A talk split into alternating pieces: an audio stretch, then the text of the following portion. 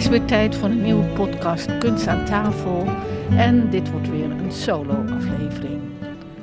Soms heb je van die weken die niet zo makkelijk zijn in het leven. En ik had er zo een de afgelopen week. Niet gewaardeerd en gerespecteerd worden om wie je bent of wat je doet. En hoe herpak je dan jezelf om toch gewoon positief door te blijven gaan met je leven? Deze podcast gaat over de functie van kunst. Weet je, het gaat er natuurlijk helemaal niet om dat mensen mijn kunst, of zelfs kunst in het algemeen, mooi vinden. Absoluut niet. Nee, het gaat er gewoon om wat je ermee doet, wat je ervan leert, of je er plezier van hebt, welke inzichten je erdoor krijgt, of hoe kunst je inspireert in je eigen werk, welk werk dat dan ook is. En iedereen die mij kent, weet dat kunst voor mij synoniem staat aan leven. Daarom doe ik onderzoek naar het intrinsieke leven van de mens in zijn, haar of het dagelijkse bestaan. Denk maar aan mijn beelden, ja ja, I am of Oorwood, of de hoorn des overvloeds. Ik schrijf over wat ik dagelijks meemaak. Ik teken over wat ik dagelijks meemaak. Ik praat over wat ik dagelijks meemaak. En ik schilder over wat ik dagelijks meemaak. En dan doet het zeer als mensen mijn werk of dat van collega-kunstenaars simpelweg afdoen als een leuke hobby. Als er denigrerend gezegd wordt: mens gaat er werken. Of op een iets andere manier: er zijn ook mensen die werken. Alsof jouw manier van leven nutteloos is, niet van waarde. Ik kan het hen nog niet eens echt kwalijk nemen als je in ogenschouw neemt hoe zelfs de politiek de kunst- en cultuursector van nul en geen waarde vindt, getuige de behandeling van de sector ten tijde van de coronapandemie. En natuurlijk weet ik wel dat dit voortkomt uit het feit dat men vaak niet goed weet wat het werk van een beeldend kunstenaar inhoudt. Onbekend maakt immers onbemind. Maar in feite is een dergelijke houding kwetsend en respectloos. Als kunstenaar werk ik vele malen langer en harder met veel meer onzekerheid over inkomen dan vroeger in mijn luxe betaalde banen. Dat kan ik in ieder geval wel zeggen. Of ik er spijt van heb? Denk je. Maar goed, bovenstaand voorbeeld is een probleem waar veel kunstenaars mee te maken krijgen en die ze waarschijnlijk wel herkennen ik wil er eigenlijk niet al te lang bij stilstaan, want het is een gegeven in een tijd waarin veel meer aandacht is voor het economisch belang van het land, de groei van de welvaart en de hang naar meer, meer, meer dan voor het welzijn van de mens. In een tijd waarin kille cijfers belangrijker zijn dan de zorg voor de ziel en de schoonheid van het leven. Al lijkt er sinds de corona en door de stikstofcrisis wel een kentering te komen. Gelukkig. Toch wil ik hierover in deze podcast even mijn ei kwijt. Zeg je Albert Einstein, dan weet je natuurlijk wel over wie ik het heb. Bekend om zijn relativiteitstheorie won hij in 1921 de Nobelprijs voor de natuurkunde. Op internet vond ik van hem de uitspraak: Imagination is more important than knowledge. Knowledge is limited. Imagination encircles the world. En wat Einstein eigenlijk zegt, is dat het zonder onze verbeeldingskracht veel moeilijker is, misschien zelfs wel onmogelijk, om tot nieuwe kennis te komen. Computers worden in hun berekeningen steeds sneller, beter zelfs dan de mens.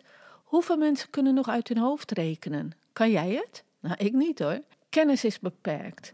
Fantasie en creativiteit oneindig. Voorwaarde is wel dat we dat als mens toelaten en appreciëren. Ik moet even denken aan een van de rijkste mannen van de wereld, Elon Musk, die vaak in het nieuws is vanwege Tesla, Twitter en SpaceX. Wat je ook van hem vindt, het kan niet anders dan dat hij als klein jongetje al droomde over de ruimte en over het leven op andere planeten.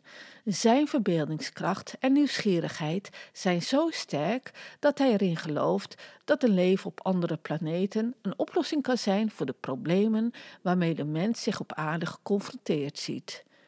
Zelf denk ik dat we wat dat betreft ons gedrag moeten aanpassen, want we krijgen op die andere planeten dezelfde problemen als nu hier op aarde.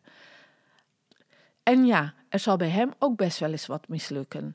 Maar omdat hij het spelen niet is verleerd en daarbij de gevolgen van zijn experimenten accepteert en verliezen incasseert, komt hij tot nieuwe inzichten die hij goed kan gebruiken bij het waarmaken van zijn droom. Ik ben geen wetenschapper, maar we weten allemaal dat talloze uitvindingen bij toeval tot stand zijn gekomen. Denk maar aan de uitvinding van de penicilline of Teflon. Het is mijn droom dat volwassen mensen, die om welke reden dan ook geblokkeerd zijn, of mensen die zich schamen voor zichzelf en zich daarom mooier voordoen aan de buitenwereld, of mensen die in een tunnelvisie leven met onomkeerbare gedachten en vooroordelen, of gewoon alle volwassen mensen weer eens gaan spelen als een kind. Dat zij zich weer openstellen voor hun verbeeldingskracht, om zo te leren iedereen in hun eigen waarde te laten. Opdat we onze kennis, hoe klein ook, op die manier verder kunnen oprekken. Opdat we de wereld liefdevoller kunnen maken, met meer begrip voor elkaar. Utopie? Ik denk dat we eerst liever moeten zijn voor elkaar. Iemand die daarbij kan helpen is de boeddhistische monnik Thich Nhat Hang. Ik weet niet of ik het goed uitspreek. Thich Nhat Hang. En hij heeft een um, ademhalingsoefening, heel eenvoudig, duurt heel kort.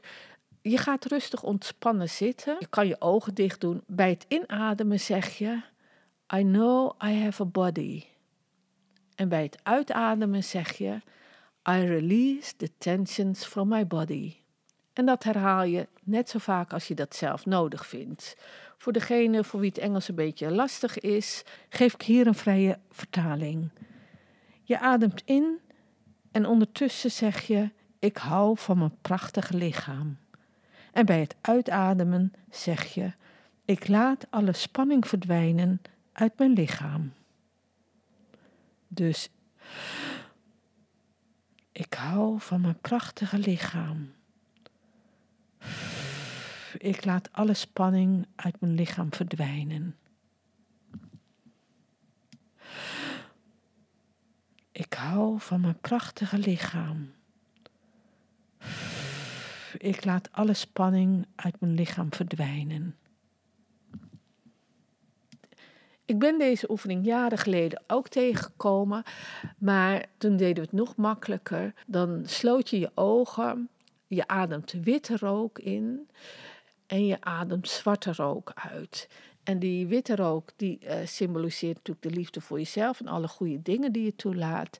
En de zwarte rook, ja, dat is alle troep die uit je lichaam mag verdwijnen. Nou, het wordt tijd om Homo Ludens, de spelende mens van Johan Huizinga, te gaan lezen. En ondertussen hou ik me staande met een mooie quote van Albert Einstein. Ik herhaal hem nog maar eens even, om niet te vergeten. Imagination is more important than knowledge. Knowledge is limited. Imagination encircles the world. Leven de kunst!